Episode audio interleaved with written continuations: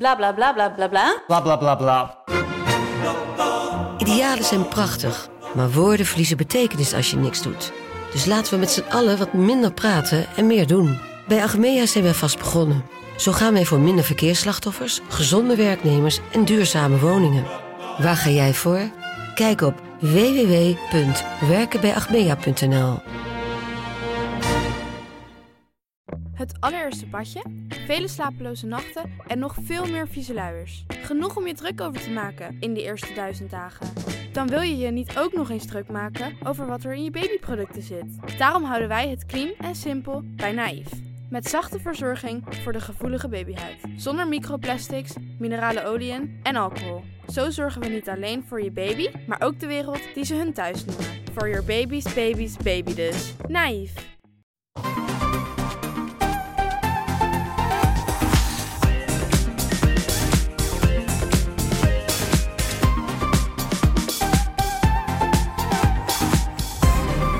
Welkom bij de Bright Podcast van woensdag 25 januari over de trending topics in tech. Mijn naam is Tony en hier aangeschoven zijn Erwin, Hey. Floris Yo. en we hebben ook nog een speciale gast deze week. Dat gaan we vaker doen dit jaar, vinden we leuk. Eh, de eerste gast van 2023 is Kevin de Krieger, Krieger namens Steambox. Het is een eh, self-heating lunchbox, een vinding van Nederlandse bodem dat onlangs zijn debuut maakte op de Consumer Electronics Show in Las Vegas. Welkom Kevin natuurlijk. We staan ook nog stil bij het technieuws van deze week over onder andere de zonneauto Lightyear, de streamingdienst Viaplay en KPN. We gaan beginnen. Kevin, we beginnen met jou. Eh, de Steambox, wat is dat precies?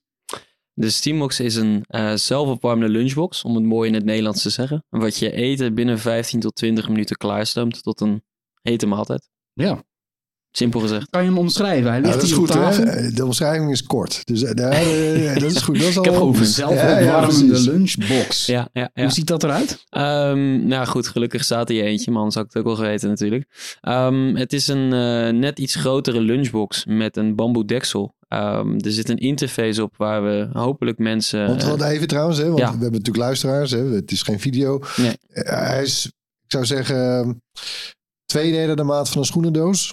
Is dat misschien... ja, ligt daar in schoenmaat. Nou, we zeggen een Nike schoenendoos. ja. Ja, nou ja, ja, inderdaad. Het is een, eh, het is een iPad. Ja, zo zal het misschien Hij een is niet beetje... klein, dat is zo, ja. nee, er moet ook nog eten in, hè? Eh, nee, klopt. Dus het is ongeveer het formaat van een eh, iPad of een kleine schoenendoos, ja. En het, eh, de materialen, want ik zie een soort bam, eh, volgens mij, de, de, de deksels, bamboe. Ja, eh, deksel is bamboe, om wel een beetje die natuurlijke connectie te hebben met, eh, met eten. Want het is een tech-product, maar je wilt wel een connectie hebben met eten. Dus vandaar de bamboe, dus echte bamboe. En voor de rest eh, is, het, eh, is het plastic en eh, is het stainless steel, waar je in contact komt met eten. Eh, en wat elektronica. Nice, nice. En dat Ja. zorgt er uiteindelijk voor dat je een mooie gestoomde maaltijd. Ja, om het, om het even nog kort uit te leggen. Er zit een hitte-element in. En met die hitte-element eh, verwarm je water. Dus je moet ook echt water op een hitte-elementje leggen. Ehm, dat water gaat vervolgens stomen door de hitte van het hitte-element. Eh, en dat stoom zorgt er dan voor dat dat in het eten komt. En zo wordt je eten opgewarmd. Want waarom, waarom trouwens stoom?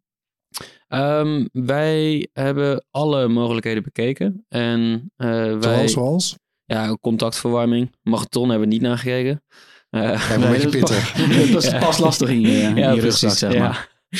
Ehm, ja, we hebben nog Grote contact. batterij nodig ook, denk ik. Ook dat ja, dan, dan Lekker kreeg je heel veel opmerkingen over.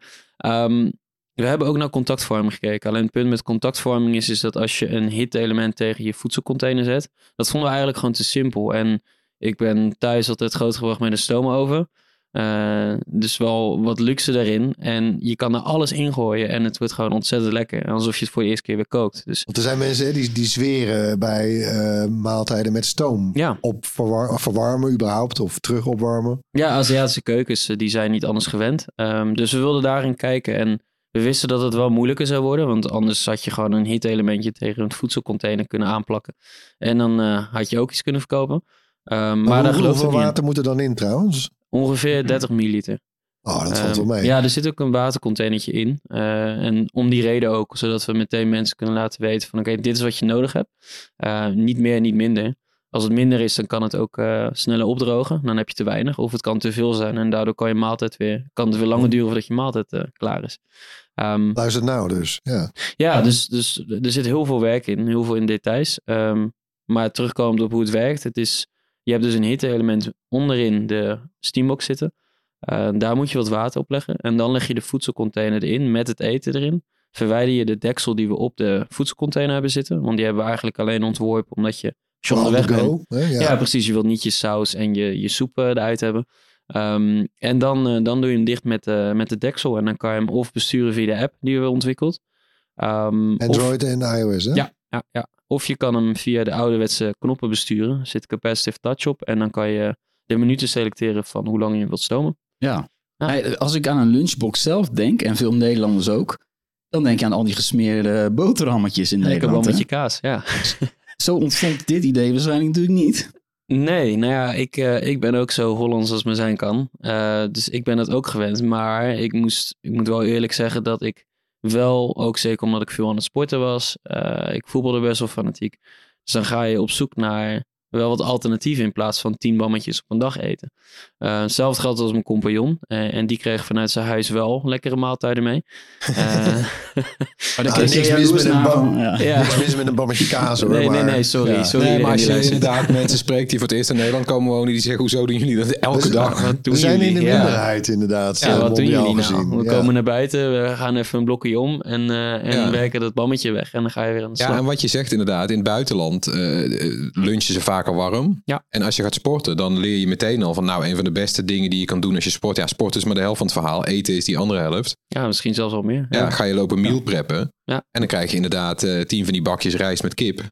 Ja. En die moet je magnetronnen. Broccoli, eh Floris. Bro broccoli stomen Broccoli, is ja. gezonder dan in een Ja. magnetron. ook dat ja. Ook Dus- dat. Nee, maar, en, dan Ja. kom je Ja. bij jou uit. Want dan Ja, heb ik mijn bakjes geprepareerd. Ja, en dat is ook het idee geweest. Ehm, we hebben allebei gestudeerd. Nou ja, dan, eh, mijn compagnon was echt toen nog heel erg fanatiek aan het sporten. Toen inmiddels zat ik niet, was ik niet meer aan het studeren. Ehm, maar dan moet je in de, in de wachtrij staan voor de magnetron op de campus Ja. in Rotterdam. Ja, dat, daar heb je ook geen zin in. Dus dan, eh, Nee, nee. En Ja. een hoop magnetron op eh, kantoren. Hier, bijvoorbeeld, eh Ja. daar raad ik ook mensen af, denk ik. Qua Oh, man, als je dat deurtje open doet. de pizza Ja. van vorige maand eh, zit ook nog in. Hey, de, Ja. de Steambox, jullie zijn vier, vijf. eh, hè, de ontwikkeling heeft best lang geduurd, hè? Ja, dat, dat heb je goed gezegd. Ehm, we zijn eind 2019 zijn we begonnen met een crowdfunding campagne. En natuurlijk zit het idee wat eerder, omdat je dan je hebt een idee in je hoofd en we hebben zoiets van oké, we moeten een oplossing hiervoor gaan bedenken. Ehm, dat gaat, daar gaat natuurlijk wat tijd eh, overheen. Nou, Je bent ook niet fulltime bezig. Maar vanaf eind 2019 zijn we echt begonnen met een crowdfunding campagne. Eh, en daarna is de ontwikkeling begonnen. Dus eigenlijk eh, ja, in, net voordat corona begon, dachten we nou, nu gaan we het product maken. Dat was een Ja. goede timing. Nee, er- was een, een, zo- zo'n probleem eigenlijk, corona. Ik dacht meteen van veel minder vraag naar een lunchbox überhaupt... omdat mensen thuis eh, werken. Of... Ja, het is, dat klopt. Dat was ook aan het begin wel de eerste gedachte. En nu corona, nou, laat het hopen, maar ik denk het wel, voorbij is, merk je dat heel veel mensen eh, nu gewend zijn geraakt aan het lekkere eten wat ze thuis hadden. Ehm, maar Ja. ook een stuk Oh, die waren stiekem aan het koken tijdens het thuiswerken. Ja, precies. Ja, ja, Zo kun je er ook naar kijken, Ja, wel, inderdaad. ja. Ja, nou, dat punt. krijgen we terug. Of we krijgen mensen terug die, eh, wat je ook ziet bij grote bedrijf, eh, bedrijven, die, die zitten wel met een probleem met een cateraar. Dus die kunnen het niet volledig meer aanbieden. Eh, flexibiliteit, omdat je niet weet wanneer je mensen kan verwachten op kantoor. Dus je ziet daar heel veel speling in en Ja. heel veel gebeuren. Dus die flexibiliteit, die, dat is eigenlijk, en nu zeg ik het heel mooi na corona, maar het heeft ons wel geholpen, omdat je eh, wij willen die flexibiliteit geven aan mensen. En natuurlijk ook een inflatie en, en alles wat er gebeurt rondom voeding, eh, bewustwording van gezondheid en wat je eet. Dus er zijn best wel wat ontwikkelingen in de breedste zin die ons helpen. Omdat we dan nog meer kunnen. Mensen raken sneller gewend aan de gedachte van: hé, hey, ik kan veel meer met eten. En eh, ze willen gewoon een stuk flexibeler zijn rondom het eten. Ik kan het, ik kan hè, over die kantines ik kan dat onderschrijven. Hè, hier is ook de, de kantine BTL is wel weer een soort in full swing. Maar nou, volgens mij eh, is de, de helft aan keuzes van daarvoor. Ja, maar dat duurde ook even. In eerste instantie kon je helemaal. Dan hadden ze gewoon inderdaad van die voorgemaakte broodjes. Dan mocht je allemaal niet zelf rond scharrelen. Dat Oh, snapte ja. ik ook wel. Ja. Ja. Nu, nu Ja. kan je wel meer. Maar inderdaad, het- je, hebt, je hebt wat ingeleverd. En ondertussen eh, heb je al die andere dingen. Namelijk, het is allemaal duurder geworden. Alles is duurder. Dus waar je vroeger misschien is, eh, weet je wel, een paar jaar geleden... dat je gewoon een paar keer in de week warm luncht op werk. Denk je nu, nu... moet je eh, van- van de lende drie keer per week een broodje kroket halen eigenlijk. Want dat is, Ja. Ja, wel lekker. Hey, eh, een andere vraag trouwens. Eh, hè, jaren aan gewerkt dus. Eh, het is nu gelanceerd. Maar wat ik me dan even afvraag. eh, waar zijn jullie achteraf gezien meer tijd aan kwijt geweest eh, dan jullie vooraf hadden verwacht? In dat hele proces hè, van conceptie tot eh, productie. Ik denk een heel makkelijk antwoord. Ehm, maar je begint altijd met bepaalde intenties en bepaalde gedachten. mijn compagnon en ik zijn niet technisch. Dus als wij vragen veel, hoe lang duurt het om dit product te maken? Dan krijg je een antwoord terug van je technische compagnons. Ehm, en dan zeggen ze, ja, dat kunnen we wel binnen een jaartje. Of anderhalf jaar kan dat wel lukken. Ehm, waar het voor ons waar het heel lastig is. Het werd vier jaar. Nou ja, goed. Ja. Ja, nee. Ehm, we begonnen in 2020, aan het, in, ja, laten we zeggen in, in maart, april. Ehm, we wisten dat we wat. Je hebt maar één keer de kans om een goed product te maken. Eh, anders ben je, ja, dan is het gewoon klaar. Weer gezien. Dus ja. dan ben je gezien. Dus wij begonnen aan het proces van het ontwikkelen en het design ervan. Wij dachten, ah, we pakken wel wat maanden extra omdat het toch corona is. We, we hebben de tijd. mhm. Ehm, we, we willen het goed doen, dus waarom pakken we niet twee of drie maanden extra? Ja, dan zit je in de zomer, een derde kwartaal van 2020. Dan denk je, oké, nu hebben we de tekeningen. Dan kunnen we naar de fabriek gaan die we al hadden. En dan zegt de fabriek, ja, ja, ja, ja. Nou goed, dat, dat is een Chinese partij, dus die, die durven bijna geen nee te zeggen. En dan blijf je een beetje, Ja. een beetje pushen. En dan kom je erachter dat, dat ze helemaal niks meer kunnen. En dat het bedrijf gewoon echt heel veel grote problemen heeft. En dat je je fabriek kwijt bent. Ja, en dan, dan ga je wel echt zeg maar een, een andere fase in. Want dan moet je weer de jungle in van de fabrieken. ja, zo noemen ze het een beetje. En dan ben je ook weer vijf, zes maanden verder voordat je contract hebt getekend. En je Ja. kon ook niet heel makkelijk op dat moment natuurlijk naar China toe. Ook dat überhaupt. niet, nee. Dus, dus überhaupt, zeg maar, we kwamen in een fase terecht waarvan je... Oké, we hadden geld om... Nou, omzet, dat liep een beetje achter, omdat je... Ja, je zit met je cashflow. Ehm, je wilt gaan produceren. En je hebt de tekening en dan kom je weer bij... Ja, dan kom je weer eigenlijk in, the middle of nowhere. Nou, toen vonden we een partij, een Nederlandse partij. Eh, maar die zei ook van, ja, leuk die tekeningen. Maar die tekening, eh, dat kunnen wij niet maken. Dat is heel leuk gedesigned, maar dat, dat kunnen wij niet. Nou, dan ga je weer een paar maanden. En dan, eh, dan uiteindelijk kom je, moet ik het goed zeggen, eh, begin 2021 getekend. Nou, dan kom je richting Q3 van 2021. Dan ga je echt, zeg maar, beginnen eraan. Eh, en dan dachten we, oké, nou, dus we waren vorig jaar, of 2021, waren we ook naar CS gegaan. Eh eerst het product laten zien. Toen dachten we, nou, nu gaat het gebeuren. En ehm, ja, toen was er een nieuwe lockdown. Alleen niet hier in Shanghai. En daar zit onze fabriek. Mm. Uh, dus dan ga je weer. En dan hebben we wel contact. Gelukkig hadden we Nederlandse mensen ook in China zitten. Ehm, dus dat heeft ons wel echt geholpen. Terugkomend op je vraag. Uh, maar daar zat vooral echt de vertraging in. Want ja, we hadden op een gegeven moment ook contact met onze con uh, contactpersoon in China. Die zat gewoon 71 dagen vast in zijn huis. En dan hoorde je op de achtergrond hoorde je weer de sirene. Oh. Uh, van joh, je moet nu weer een test doen. In de avond of in de ochtend. Of, het was ja, bizar. want zelfs nog los van corona hoor je vaker van mensen die beginnen met, met manufacturing en zo. Dat, dat, ja, het klinkt heel simpel. Nou, dat laat je in China maken. Ja. Maar dat is, het blijft natuurlijk gewoon mensenwerk. En het blijft ook heel lokaal. Dus het is, nou ja, je, je, kennelijk komt iedereen er dan op dezelfde manier zo'n beetje achter. Uh, ja, je gaat bellen. Je, je merkt dat die mensen cultureel gezien niet graag nee zeggen. Ja. Uh, je merkt dat je er toch iemand uh, te plaatsen moet hebben. Ja.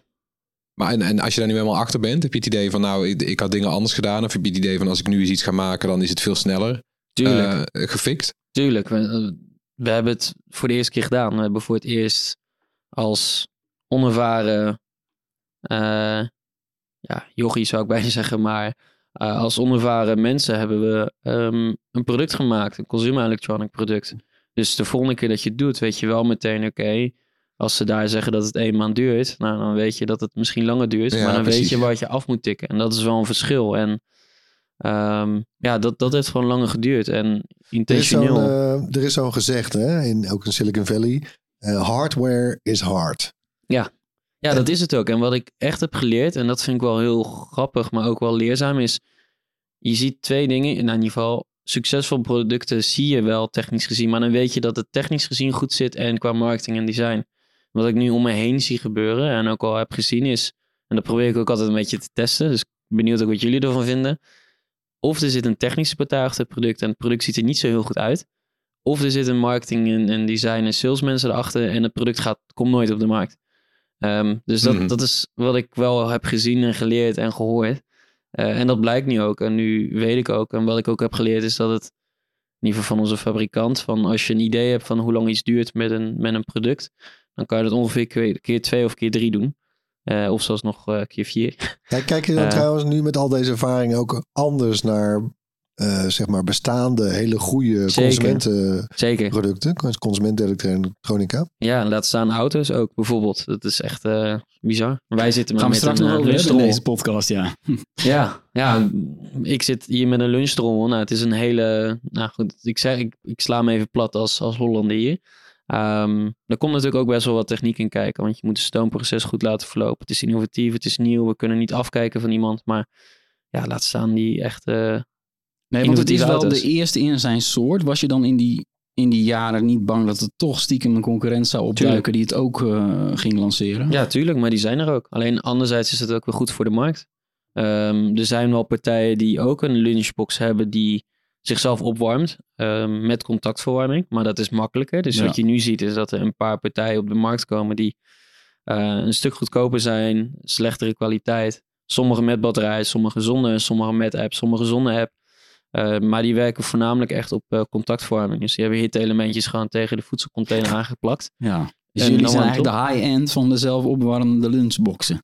Dat is wel de bedoeling, ja. En dan, Premium, hè? Want ik kan me Ja, voorstellen dat Oh ja, stoom, premium, ja. door het stoom is het waarschijnlijk ook een stuk gelijkmatiger warm, toch? Ja, ja, ook dat is, ja. Ja, dan heb je goed gedaan. Maar nou zeg je, er zijn goedkopere oplossingen. Eh, hoe duur zijn jullie dan uiteindelijk geworden? 250 euro. Ja, Oei. ja. Ik heb nog even teruggekeken in ons eigen archief. Toen we een jaar geleden eh, over Steambox schreven, was de prijs 179 euro. Ja. Eh, hoe zit dat? Is dat alleen inflatie? Of? Mm, de kostprijs van, eh, v- er zitten batterijen in, materialen. ehm, Dat is allemaal duurder geworden ook. ja, en ook voor ons ga je ook een beetje in de markt kijken van, hey, als we dit goed willen neerzetten, wat voor marge heb je überhaupt nodig? Ook als je met grote, als je met een Coolblue of met een Bijenkorf, Salvages, Harrods, dan ga ook een beetje leren van hoe de markt in elkaar zit en wat je nodig hebt om überhaupt het product te... Wat een leerschool is het helemaal geweest Super eigenlijk. tof. Ja, het is wel heel... Is eh, dit misschien wel je echte opleiding Ja, eigenlijk wel. Ik ben ook gestopt met mijn opleiding. Dus eh, ja, dit is mijn opleiding. In die zin. Als ik eh why zeg, dan zeg jij Huh? food. Oh, tuurlijk, ja. Ja, onze sponsor deze week. Ik heb inmiddels een flesje op hoor. Chocolade. Ja, why food. En? Nou, best lekker. Ja, maar ik, ik hoor toch een maar. Eh, nou ja, het voelt wel een beetje alsof ik een, ja, een heel flesje chocomel op heb. Ah ja. Nou, dan heb ik goed nieuws voor je. Want eh, zo smaakt het misschien wel. Maar in Y-food zit eh, bijna twee keer minder vet dan in chocomel. En drie keer minder suiker, maar dubbel zoveel eiwitten. En al die 26 vitamine en mineralen en veel meer energie. Veel gezonder dan een flesje chocomel dus. Oké, dus dat, oh, nou, dat scheelt weer qua schuldgevoel. Ja. en eh, nou, zeker. En je kan ook nog eens een, eh, een lagere prijs krijgen. Want je krijgt korting van ons. Ja, die, eh, die heb ik onthouden. 10% korting als je de code BREID2023 invult op yfood.nl. Y met een Griekse ei, food.nl. Ik ga trouwens misschien wel voor die grootverpakking. Het is ook best lang houdbaar buiten de koelkast, dus oh, lekker verdelen. Ja, zeker. Dan gaan we verder met het interview met eh, de Steambox. Wel wel een opluchting dan dat jullie toch weer op de CES in Las Vegas stonden. Dat het ding af is en dat hij dan uiteindelijk naar al die mensen die op eh, crowdfunding eh, hebben, die hem allemaal eigenlijk al gekregen. En hoe ongeduldig zijn die? Eh, nog niet iedereen. Ehm, maar volgende week of die week daarna gaat echt alles eruit. Dus we doen het in batches. Ehm, en dan heeft iedereen hem gekregen. En de eerste reacties zijn echt super gaaf om te lezen. Eh, en de enige mensen die een beetje kritisch zijn, die beginnen dan over het gewicht. Want hij is 1,9 kilogram. Maar ja, goed, waarmee vergelijk je hem? Dat is ook natuurlijk een beetje, je hebt geen alternatief.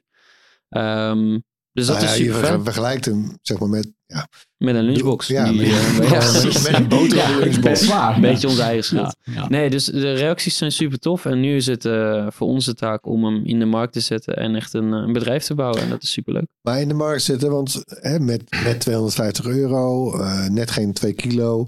Ja. Eh, eh, dit, ga je, dit stop je niet in een kinderrugzak, bij wijze van spreken. Dus voor, voor wie is de... Wie is jullie prime target hier, zeg maar? Ik denk in, het, in de basis, foodies en mensen die more, ja, in het Engels more health conscious zijn, dus meer bewust zijn rondom hun eten en eh, daarbij gewoon een stuk mee bezig zijn en geen, geen magnetron willen gebruiken of zelf willen koken voor twee of drie dagen, een beetje wat willen besparen of vers, verse willen eten. Ehm, in die zin. Eh, ik denk dat die mensen het als eerst zullen kopen. Ehm, en wat we ook wel zien is, dat is ook het leuke, omdat het nieuw is, is dat je, je kan de Steambox ook bijvoorbeeld op kantoor laten en gewoon alleen de foodcontainers meenemen. En dat Oh, zie je ook Ik zag bijvoorbeeld. eh, ja. je collega aan bedenken, Amit. eh jullie hebben zo'n introductievideo. Leuke Ja. video trouwens. Dank je. Maar daar geeft hij ook die tip. En ik vond het best wel een goede inderdaad. Hè. Van zet die, want daar zit er ook het gewicht in natuurlijk. Ja. En, en het verwarmingselement. Zet de, buitendoos eh, zeg maar eh, op kantoor. Ja. En neem alleen die, eh, die, eh, die RVS container mee heen en weer naar huis. Ja, dus zodoende leren wij ook een hoop. Want je ziet dat eh, mensen met een voedselcontainer ook bijvoorbeeld in plaats meenemen in plaats van een doggybag. Dus dan kan je bij een restaurant, als je nog iets over hebt, in die foodcontainer al meteen Ja, erin Dat zetten. is en in. Amerika heel normaal. Mijn zus woont Ja. daar. Ik heb Ja. het vaak eh, zien gebeuren dat we te veel hadden. En dan Zeker nee, in Amerika. pakken ze. Nee, geen enkel probleem. Dat kan je meenemen. Ze Ja. bieden het zelf aan. Dat eh, hebben we in Nederland niet echt, hè, als we uit eten gaan. Ja, steeds steeds meer. meer. Schamen we Gek, ons een toch? Je hebt er ook voor betaald. Ja, Dus- steeds meer komt Ja. het wel. Ja. Ja. Ja, ik denk dat we ons een beetje schamen daarvoor, denk ik. Ja. Van, Ja, in, in het algemeen. Maar Ja, we hebben geleerd het bordje leeg te eten. Hè? ja, Dat ook. ja. En me- merk jij kamperen ook? Want ik weet dat veel kampeerders... eh, nou ja, ik heb vroeger wel eens gekampeerd met een contactverwarming ding. Dat, weet je, dat krijg je bijvoorbeeld in het leger volgens mij ook mee. Dit is een soort van raar chemicaliën ding. Oh ja. Single use, dat kan je één keer gebruiken. En dan komen er mengende chemicaliën, wordt het heel heet. Ja. En dat kan je dan in zo'n zakje doen.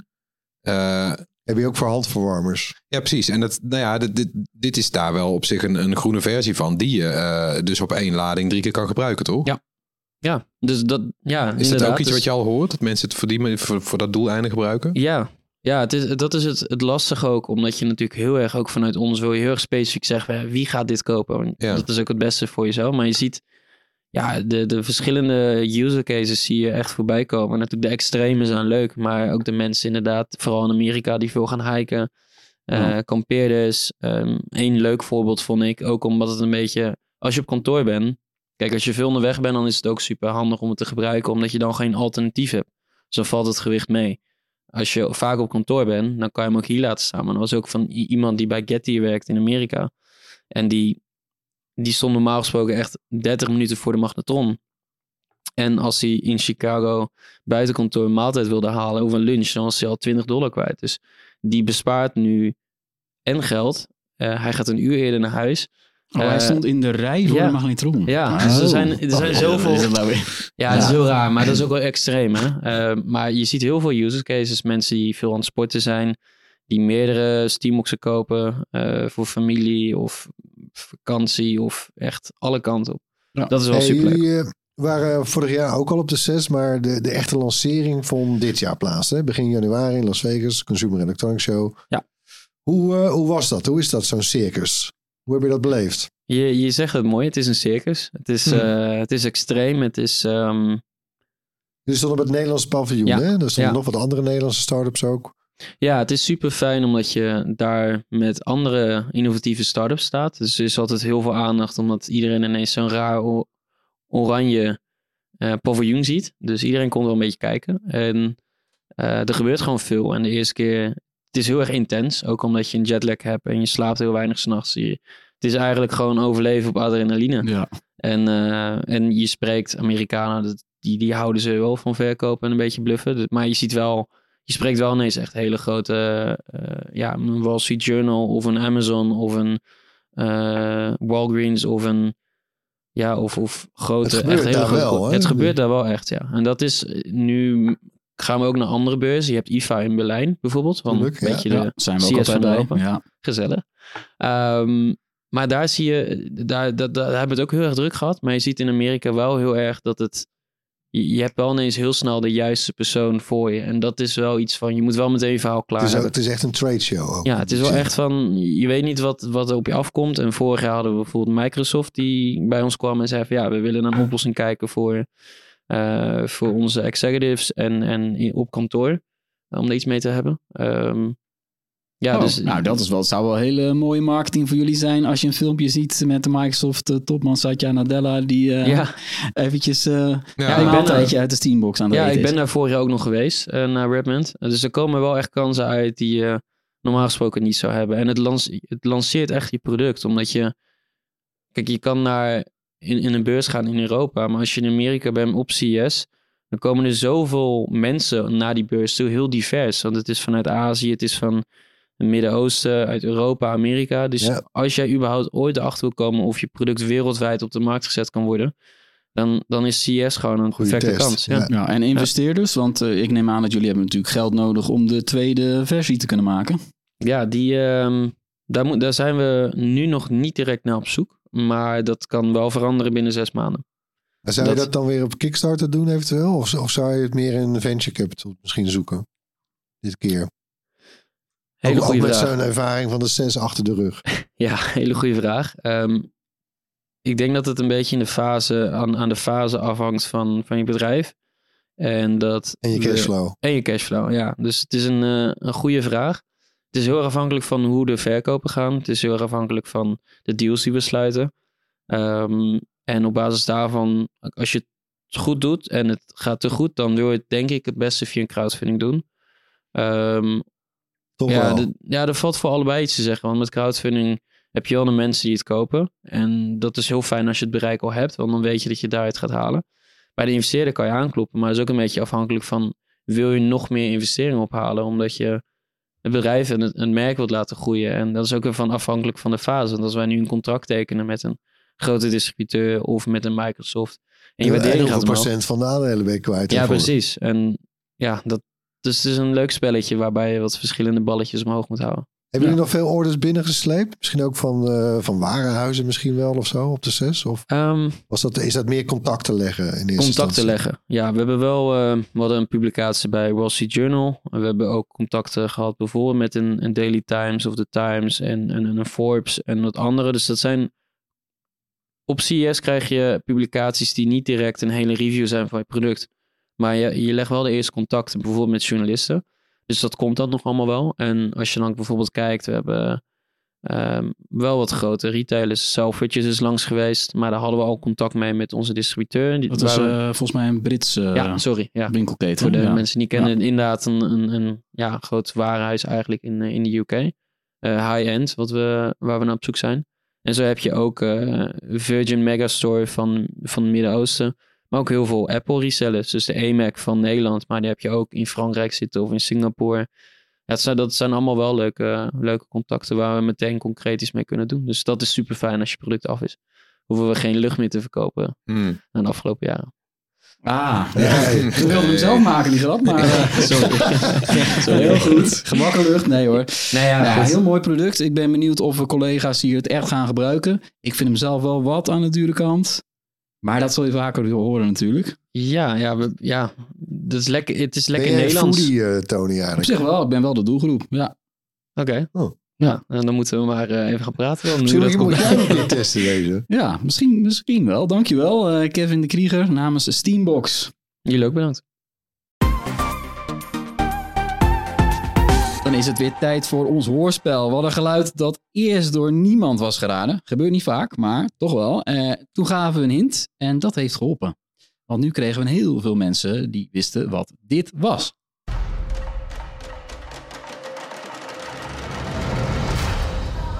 Wat was nou ook weer jouw hint? Ja, dat het in die aflevering zat. Maar daar zat er heel veel in die Ja, aflevering. hadden hè? veel series eh, in, die, in de vorige podcast. Eh, dit kwam uit de trailer van het derde seizoen van The Mandalorian. Daar Oh. verheugt Erwin zich natuurlijk gigantisch op. Ja. Eh, daar kijken we naar uit. En het, eh, dat wist ook Bobby Lammers. Dus gefeliciteerd Bobby. Dat Bright T-shirt komt jouw kant op. Dat betekent dat we ook weer een nieuw geluid hebben om te raden. Daar komt hij. Oh. Ja, Ja, als jij denkt te weten wat dat is, stuur dan je antwoord naar podcast.bright.nl. Omdat er een nieuw geluid is, laten we hem ook maar één keer horen dit keer. Onder de, de mensen die het juiste antwoord insturen, verloten we dat gewilde Bright T-shirt.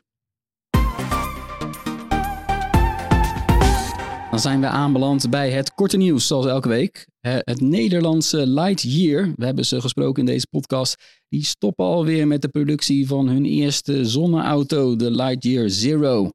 Van die eh, dure auto, 250.000 euro kostte die maar liefst, zijn er maar een stuk of 10 gemaakt in de Finse fabriek. Eh, door ermee te stoppen kan Lightyear zich nu helemaal richten op de goedkope zonneauto, de Lightyear 2.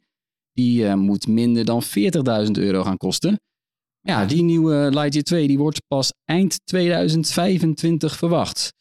Eh, voor die nieuwe Lightyear 2 zijn al meer dan 20.000 pre-orders gedaan door leasebedrijven en 40.000 mensen staan op de wachtlijst. Eh, dat is op zich wel goed nieuws, maar toch kwam dat stoppen met die, eh, met die Lightyear Zero. De eerste zonneauto voor de consumenten, wereldwijde primeur was dat in november. Dat stoppen kwam toch best wel onverwacht. En het roept toch wel de vraag op van gaat het ze nog lukken, die zonneauto's? Ja, nou één ding. Je weet in ieder geval dat als je Lightyear Zero hebt, dat, dat, dat is echt wel een super collectible. Hè? Ja, tien. zeg dat. Oh, ja, wij hadden al spijt. We hadden een, eh, een klein autootje te leen om te gebruiken in een video. We hadden we Oh een ja. modelautootje van de Lightyear Zero. We hadden al spijt dat we die teruggestuurd hadden. Maar ik zit ik- ja, toen ik het, liefst- het nieuws hoorde, had ik wel zoiets van: eh, eh, damn, wie zal die Finse fabriek maar zijn? Ja, die waren ook niet blij. De, uiteindelijk hebben onze collega's van RTL Z die ook te pakken gekregen gisteren. Ja, eh, dat is niet best. Eh, hoe dat afloopt weet ik niet. Maar het was voor iedereen toch wel schrikkend bijna. Want ja, het werd toch wel gezien als, eh, ja, als een innovatieve start-up. En het zag er allemaal goed uit. Ook met al die bestellingen van bedrijven die al binnen waren natuurlijk voor die opvolger. Zou je zeggen van jongens, er is genoeg geld binnen. Meer dan 180 miljoen euro aan investeringen hadden ze al. Met die bestellingen voor de Lightyear 2 eh, meer dan 800 miljoen. ja. Maar ja, een auto maken is lastig hè? Ja, kijk, ik bedoel, een soort za- zakelijk tak- tactisch of strategisch snap ik het wel. Hè? Zo van, eh, ja jongens, we moeten niet gaan lopen leuren aan... eh, Ja. we, hebben nu, we hebben nu orders, we moeten volle bak op die, eh, op die twee. ja, blik vooruit. Ja. Maar ik vind het, weet je, ja, dan laten ze dus de werkmaatschappij die die Zero maakte, ja, die laten ze dan gewoon even, ja, gewoon failliet gaan. Ja, Ja. Dat, dat klinkt mij ook allemaal een beetje te makkelijk, eerlijk gezegd. Weet je, zo van, ah, ja, nou, lekker opgelost. Dit Ja. werd zo de wereld ingeholpen. Alle media die ze opbelden kregen geen commentaar. En, we, en ja, die werkmaatschappij gaat dan eh, waarschijnlijk failliet. En dat is dan aan de bewindvoerder die het overneemt. Dat is dan het enige wat ze Ja. zeggen. Ja, dat, dat voelt ook niet lekker, toch? Nee, want ze hebben een paar maanden geleden nog ontzettend grote groepen van kijkers hoe aerodynamisch de auto is. Die, die we toch eigenlijk met die maatschappij maken. En nu zeg je tegen diezelfde mensen die eigenlijk het, een, een, een record hebben gebroken, zeg je van nou doei. Ja, Ja. je, hebt je, je hebt je nut gehad of zo.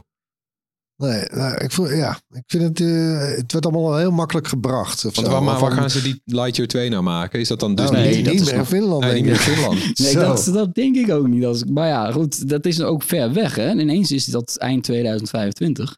Ja, Ja, Oh zo, ik dacht Finland. Nee, maar ja, daar weet je eigenlijk nu al van, van dat zal het dan toch waarschijnlijk ook niet eh, lukken. Want het, dat is Nee. best wel lastig om, om die deadlines te halen. En ik vraag me af of die prijs dan haalbaar blijft. Hè? Van, eh Ja, 40.000. nee, ze moeten wel. Een slecht teken wat dat het net bij de betreft. Steambox, hè? Ja, nou een slecht teken is dat hun grote concurrent is het Duitse Sono Motors. En die zijn druk bezig geweest de afgelopen weken van we hebben meer dan 100 miljoen nodig, anders gaan we eraan. Dan komt die zonneauto die ook iets van 30.000 gaat kosten, die komt er dan niet. En ja, het lijkt erop dat ze het niet gaan redden. Het is nog niet helemaal eh, Oh, kansloos, maar En dan heb je nog in Amerika heb je Aptera. Die Ja. hebben net een launch eh, edition ik aangekondigd. kan niet eens uitleggen hoe dat ding eruit ziet. Al- Als uit een Ja, science fiction weird. film. Eh, Zo'n Jetsons eh, ding. ja, Ja. Drie, ja. Driewieler. zo'n raar eh, ontwerp. En dan Wel zegt die erg man... eh. Is ook al twee keer failliet gegaan, geloof ik. Ja, die man zegt gewoon vrolijk, ja, eind dit jaar gaat hij in productie als we genoeg geld binnen hebben. Ah, ja. ja. ja. Het is inderdaad, het is zo moeilijk, blijkbaar, Dus die weet- auto's maken. Wie weet lukt het misschien Lightyear eh nog wel om die hele technologie eh, te verkopen aan een grote automaker. Zou Ja. dat misschien een route zijn waarop het toch gaat lukken met de zonneauto? We Dat zou het best kunnen. Veel dingen die worden duurder en dat geldt helaas ook voor streamingdiensten. Eh Viaplay die gaat vanaf 1 maart zijn abonnementsprijzen verhogen van 14 euro per maand naar 16 euro per maand. Auw, 16 euro per maand. Eh, dat is net zoveel als eh, het duurste abonnement van Netflix. KPN en Ziggo die hebben die prijsverhoging al bevestigd. Eh, zelf zwijgt het Zweedse bedrijf er nog over. Ja, dat is niet goed gegaan, hè? dus dat was erg leuk. Om, ik heb met ze allemaal gesproken gisteren en ja, dat ging lekker. Uh, maar het zit er gewoon aan te komen, uh, want we weten dat KPN en Ziggo die verkopen zelf ook uh, streamingabonnementen op allerlei diensten. Dat wordt dan verrekend met je maandelijkse internet- en tv-abonnement. Geldt ook voor het Viaplay-abonnement. En dat wordt dus allemaal duurder. en ja, de mensen in Nederland kijken nu eenmaal Viaplay voor het Formule 1. Als dat zo duur wordt, ja, dan moet nog zien of al die, die abonnees blijven. Eind vorig jaar zei Viaplay dat ze 1 miljoen Nederlandse abonnees hadden. Dat ja, is, dat is wel knap. Dat is best wel goed. Ja, wat denken jullie? Is het is toch wel een beetje de grens bereikt qua wat we gaan betalen voor streaming? Ja, het, het, wordt een beetje een optelsom, weet je. Kijk, als, als bij wijze van spreken elke streamer er een paar euro bij doet, ja, ja. Dan, dan gaan er ook afvallen. Ja. ja. Netflix heeft toen ook de prijzen ver, verhoogd, maar dat is inmiddels alweer anderhalf jaar geleden. Ja. Dat voelt als net, hè? dat zijn best wel, het komt ja, wel wat hard aan, hè, ja. abonnee. Ik blijf het raven in de 16 euro bij, per maand bij Netflix, ja. Is dat ze nu bij Netflix ook weer, ik dacht in eerste instantie met die spelletjes is dom.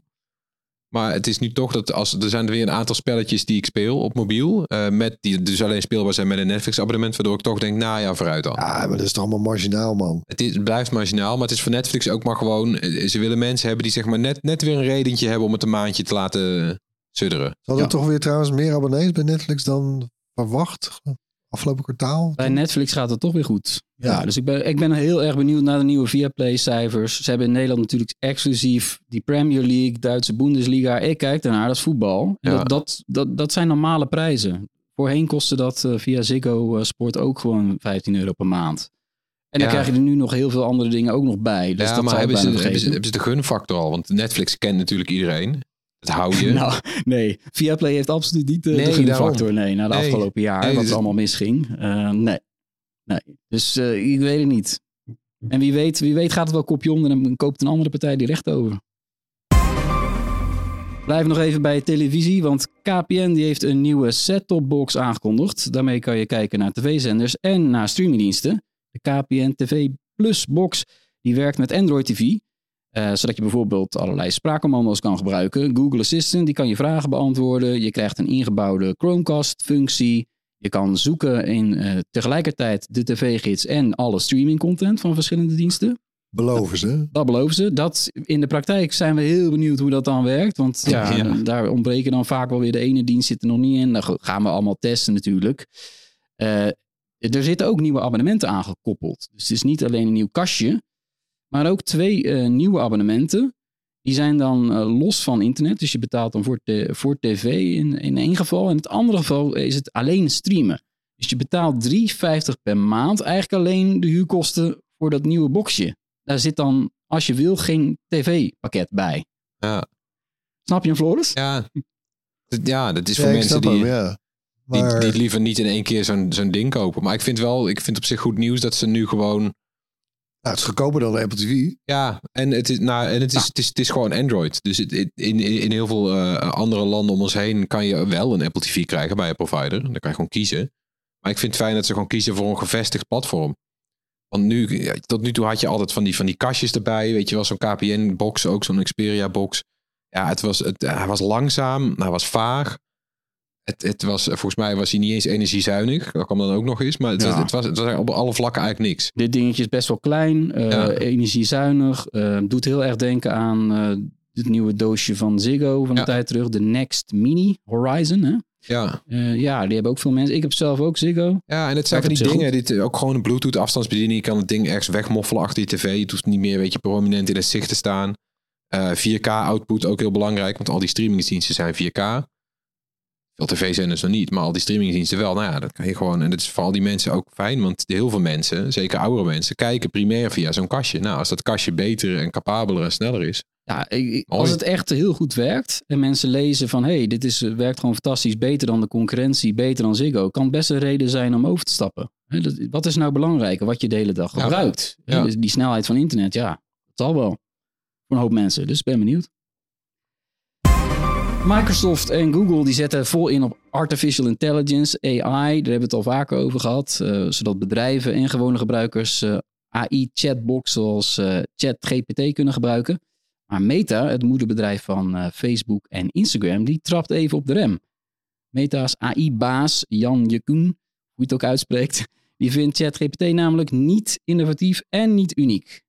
Meta Hmm. zelf en Google en allerlei startups die hebben precies dezelfde technologie al een tijdje. Maar Meta heeft besloten om het niet aan te bieden aan gebruikers. Want, zegt hij, we hebben heel veel te verliezen als we iets gaan aanbieden dat zomaar allerlei dingen kan verzinnen. Als je een chatbot hebt, op Facebook bijvoorbeeld, die allerlei onzin uitkraamt, ja, dan ziet hij de bui al hangen. Dat Ja. durft Meta niet. Dat snap ik wel. ja. Dus voor ons Ik- als ja. media jammer dat hij dat niet heeft ge- besloten te lanceren. Nou ja, ik vind het een beetje een kul verhaal. Kijk, eh, eh, met, eh, zeker ChatGPT afgelopen november van OpenAI. Eh bij Google is het gewoon DEFCON 1. Het is daar echt red alert. Alle Alle alarmbellen. hands aan Ja. dek. Eh, en Facebook, ja, nee, dat, ik snap ook wel. Want bedoel, Facebook nu, doet niets waar zo'n, bijvoorbeeld zo'n soort taalbot... En Facebook zou er alleen maar slechter van worden. Ja, als, als taalbots Facebook gaan bevolken. Als die allemaal zelf dingen gaan plaatsen, dan Ja. wordt het nog erger dan op Ja. Twitter, ja. En ik durf ook te wedden, want ze, ze zitten ook een beetje... Ja, dat, die, die, die tech hebben we eigenlijk ook al in huis, maar we gebruiken het niet. Ja, weet je waarom niet? Omdat ze die shitfilters niet uit, eh, goed krijgen uitgeschakeld. Ja. Dat is eigenlijk ook bijna Ah, ja. de kracht. Ja, en misschien ook natuurlijk wel de zwakte van, van ChatGPT. Maar dat het allemaal politiek correct is en heel woke misschien en, enzovoort. Maar het is allemaal heel veilig. Ja, Ja. klopt. Ja, maar ook, ook, ook niet. Er zit ook heel veel fouten in. En zij, zij, ik snap het wel dat ze denken van... hé, hey, ja, we krijgen al zoveel over ons heen. We, we, we Ja. passen hem eventjes. We laten even de andere grote Ja, partijen maar, de klap opvangen. Doe dat dan, maar hou dan lekker gewoon je mond. Ga Ja, dan want niet ik- nog eens zo proberen op de AI cloud mee te, mee te surfen. Daar had hij wel een reden voor, hè? want hij heeft wel gezegd: nee, maar bedrijven die gaan we wel dat soort AI-tools geven om plaatjes te maken, reclamefilmpjes te Ja, genereren. WhatsApp. Precies, dus Vooruit. Ja, dus ze gaan het wel aan bedrijven Ja, aanbieden. maar het klinkt zo kleinzielig, hè? Zo van, nee, oh, we hebben het ook. Ja, ik geloof best dat je het hebt. Ik geloof dat iedereen het heeft liggen. Maar wij snappen ook inderdaad, wat we net zeggen. Google en, en Meta, die zijn zo afhankelijk van reclame. Die kunnen het zich permitteren om, om een hele foute chatbot te lanceren. Microsoft is A al niet eh, afhankelijk van reclame op die manier. En is ook al een keer de fout in gegaan. En is een inderdaad bot de fout helemaal... eh, ja, die was binnen, ja, binnen anderhalve dag in een natie veranderd. Dus Ja, nou, die- niemand die- gebruikt Bing, dus het is, dat. het is eigenlijk geen probleem als je toevoegt aan Bing. Nee, nee, dit snappen Het we zou voor mij een reden zijn om er na jaren weer eens naar te Nou, kijken. Precies. En eh, nou ja, wat dat betreft, eh, en voor Meta, niemand gebruikt Facebook volgens mij om dingen op te zoeken. Ik raad het ook gewoon af om dat te doen. Die zoekfunctie, dat zal wel. Maar voor Google wordt het wel spannend, toch? Als Ja. Google dit fout lanceert, hebben ze echt een probleem. Ja. Nee, ja, want kijk, eh, ik bedoel, het heeft zijn tekortkoming. Maar als je even terugdenkt aan de allereerste zoekmachines. En, en, en de soort de grote stap die, die Google toen maakte. Ja, als je dan nu naar de huidige ChatGPT kijkt. Dat kan natuurlijk in potentie over, ah, denk even vijf jaar verder. Ja. Ja, dat kan is gewoon de nieuwe search engine zijn, hè? Dus dat is echt levensbedreigend voor ze. Dat snap ik wel. Ja, we nemen natuurlijk geen afscheid zonder onze wekelijkse tips. Geef maar toe, jullie kijken ernaar uit. Ja, ze waren een tijdje afwezig, hè? We hebben tot nu toe alleen maar vooruitblik afleveringen gemaakt. Ja. Die al zo tipperig waren eigenlijk, dat we dachten dat we laten de tips Ik er achterwege. tipsy van. Ja, maar we zijn er weer. Wat is jouw Nou, tip? Ik ja, ik, nou, ik heb een tip, een serie. Zo doen we het Hunters, tweede seizoen op eh, Amazon Prime. Ik vind het toch wel een soort van onderbelicht.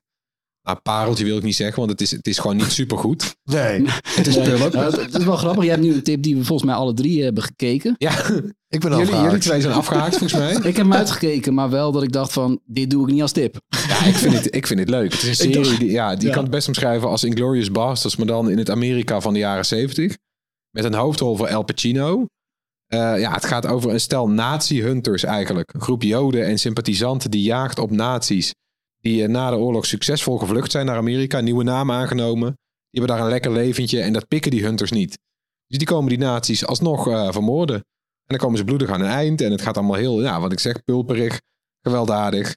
Belachelijk over de top verhaal. Het slaat eigenlijk nergens op. Maar ja, het, Maar en ik vind het lekker wegkijken. voor. Ja, El Pacino dus. Als, als, Ja. als, als Jood. dat was de reden ja, waarom ik überhaupt ja. ging kijken. Die zitten natuurlijk in seizoen 2 wat minder in, zeg maar. Vond ik zelf. Ja. Maar ja, het is, het is over de top. Je moet er niet... eh, Nee, ja, maar ik vind het hartstikke Het is ook leuk. een soort raar soort...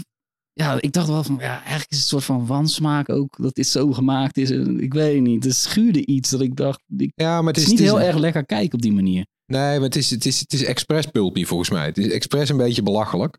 Ja, het is, wel, het is gewoon een guilty pleasure, Floor. Schrijf gewoon er maar toe. Ja, nou, mag ook toch? Tuurlijk. Dus ik vind het weer hartstikke leuk.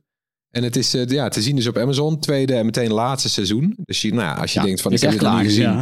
Ik heb best wel wat te kijken. Het is geproduceerd ook door Jordan Peele van Get Out. En eh zulke soort films. Dat is wel ook te overzien trouwens. Want zo, ik zit nog steeds tegen vijf seizoenen van Yellowstone aan te hikken. Dat ik denk van, Ja, jezus, vijf seizoenen. Kan je beter deze pulp doen. Hartstikke leuk. Kijk lekker weg, klopt. Ja. Hunters. Absoluut. Mijn tip eh, is een podcast dit keer. Die stond al op mijn lijstje. Jongens, jullie willen niet weten. Ik heb een document van dingen die ik allemaal nog moet luisteren en kijken. Zullen we allemaal wel hebben. ja, En deze ben ik toch aan toegekomen. Eh, dat is de podcast The Agent. Eh, dat is een documentaire podcast over Jack Barsky. Die als jonge Oost-Duitser eind jaren 70 ging werken als geheimagent voor de Russische KGB. Die woonde uiteindelijk heel lang als undercover spion in Amerika. Vertelt uitgebreid, eh, volgens mij zijn er twaalf afleveringen maar liefst, over zijn, eh, zijn leven als geheim spion en zijn woelige privéleven ook nog. En er komen ook mensen van de FBI aan het woord. Want ja, hij wordt natuurlijk uiteindelijk gepakt. Eh, het doet heel erg denken aan het verhaal van de Netflix-serie The Americans. Ja, Die maar gezien. dan in het echt. En dit is echt een bijzonder verhaal. Er is ook wel een boek over verschenen een paar jaar terug. Die man natuurlijk gigantisch ook veel aandacht gehad toen hij naar buiten kwam. Hè, toen het bekend werd. 2017 was dat geloof ik.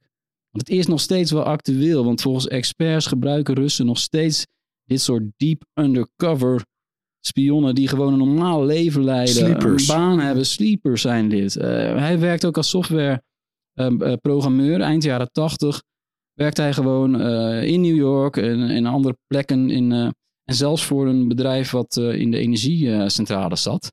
Dus dat was wel erg gevoelig. Dat bedrijf had echt wel een probleem toen het naar buiten kwam. En ja, sommige dingen vertelt hij tot in de details. En, en met name zijn werk over spion, daar praat hij dan heel makkelijk overheen. Dus ik hoorde hem ook op een gegeven moment zeggen... ja, toen eind jaren tachtig heb ik ook wat broncode gestolen... van een van de populairste software van de wereld. Ik zeg niet welke naam. En dan gaan we weer verder, weet je wel. Het wel, wacht even meneer. Ja. Nee, Oh, maar hij zit zelf in de podcast. ja, hij praat er zelf. Hij, praat, hij, vertelt eigenlijk alles. Hoe hij werd opgeleid. Echt tot in de detail. eh, hoe dat allemaal ging. Vanaf zijn jeugd tot dat hij Is daar dat in de Amerika zat. gevangenis opgenomen dan of zo? Nou ja, dan, dat wil ik dus eigenlijk niet verklappen. Want dan Oh, verklap ik oh, wat. in Van, hoe kan dit nou eigenlijk dat die man überhaupt eh, nog leeft, zou je bijna zeggen. Maar Ja, ja, het is ook de Koude Oorlog, hè? Ja, als je, maar als je geen nut meer hebt, dan komt de KGB je halen, toch? Dat, dat verhaal kennen we ook wel. Ja, hij, hij is ooit opgepakt door de, de- door, de- door, door de FBI, maar heeft eigenlijk niet in de gevangenis gezeten. Dat geeft geef ik dan toch maar weg. Eh, maar hoe dat zit, ja, het is Ah. gewoon een fantastisch verhaal. Eh er is er dus nu een podcast eh, over verschenen, eh, twaalf afleveringen. Dat is misschien heftig voor een hoop mensen, maar ja, je hoort nu gewoon echt een spion aan het woord. Ja, als het goed is, is het goed. Oh, The, the Agent. Erwin. Ja, ik, eh, ik wilde nou even stilstaan bij Harrison Ford. Eh, onze, hè, de, de geliefde acteur. we kennen hem natuurlijk ook al eh, uit Star Wars eh, bijvoorbeeld voor velen. Ja. Eh, altijd ook wel een beetje een typisch acteur. Maar het is de zoveelste in het rijtje van grote namen, Hollywood namen, die ook eh, de stap naar het kleine scherm nu eindelijk hebben gemaakt. El Pacino kwam net ook al even voorbij. Ja. Eh, en hij is ja, te zien trouwens opvallend genoeg al gelijk in twee series. Eh, bij Sky Showtime in eh, 1923, 1923. Dat is een prequel-serie op Yellowstone. Zoals eh, daar vorig jaar was daar 1883. mooi, hè? ja, ja. En 1899 was die, eh, die van Dark op Netflix. Ja, het is ideaal voor een maar- podcast, al die eh, jaartallen series. Van Londen. Anyway, 1923, daar, sp- daar speelt hij dan de volgende generatie van de Dutton-familie. Ehm, maar aanstaande vrijdag gaat ook op Apple TV Plus een nieuwe serie van start. Shrinking heet dat. Met een hoofdrol voor Jason eh Segel en dus Harrison Ford. Ehm, de echte hoofdrol is eigenlijk voor die Jason Segel eh, als personage. Die, die, die is therapeut, maar Ja. ja, ja zijn vrouw heeft zelf ook verloren. therapie nodig eigenlijk. Hè? Ja, En, en op een gegeven moment besluit hij om, om zijn patiënten gewoon de, de honest, brutal truth te gaan zeggen. Maar dat blijkt verrassend goed te werken. Ja. Any- Anyway, en dan is het is me nog alleen nog niet helemaal duidelijk of dan het personage van Harrison Ford zijn vader is of gewoon zijn eigen therapeut. Maar dat is me ook nog niet duidelijk. Maar het het is een beetje een vaderlijk type, in ieder geval voor hem. het Wat, past hem dit wel genre? Is het, het is geen comedy. Het is ook van de makers van, eh, van Ted Lasso. Ja, trouwens. dus het is wel, ja, het is wel, een semi-comedy. Het is, het is wat wat je nu steeds vaker ziet inderdaad. Dat, dat er gewoon een lach en een traan. Nou, ik denk dat het hier ook heel goed kan. Dramedy. Ja, ja, en dat past, eh, het past Harrison Ford ook gewoon. Ik vind het ook wel leuk dat hij ondanks zijn leeftijd gewoon denkt, nou, ik ga dit gewoon proberen. Nou ja, kijk, in 1923 hè, dan, eh, dan speelt hij een cowboy. eh, eh, niet zoals in 1883 met Indianen en zo. Hoewel trouwens, ja, nog steeds wel. Maar die zitten inmiddels in een reservaat en enzovoort. Ja. Maar ja, en zo'n rol, weet je. Ja, gewoon eh, zo'n hoed op. eh Ja. Helemaal bepaard met je grumpy face. Dat gaat hem natuurlijk heel makkelijk af. Ja, maar dit is wat Maar anders. dit is, hè, ik moet meteen denken aan Robert De Niro, die op een gegeven moment van die, van die comedies ook begon te maken. Ja. Ik wil, ben toch benieuwd hoe hem dit afgaat eigenlijk. De man is 80 ook, hè, inmiddels. Echt wel knap. Ja. Ik heb, terwijl je aan het praten was, had ik de Wikipedia geopend van hoe oud is die man joh? Hij, hij wordt inderdaad 81 in eh, juli. Ja. Ik vind het knap dat hij dan alle streamingdiensten in, nog in zijn macht heeft tot die leeftijd. Mooi hè? Ja. Ik vind het eh, eigenlijk geweldig. Heel veel weer om te luisteren en te kijken. I've got a strange feeling about this. Ja, bedankt weer eh, allemaal voor het luisteren. Laat gerust iets van je horen. Mail ons met vragen, tips. Mag van alles zijn. Feedback op eh, podcast.bright.nl of drop ons een DM op een van onze socials. Tot volgende week. Hoi. Doei.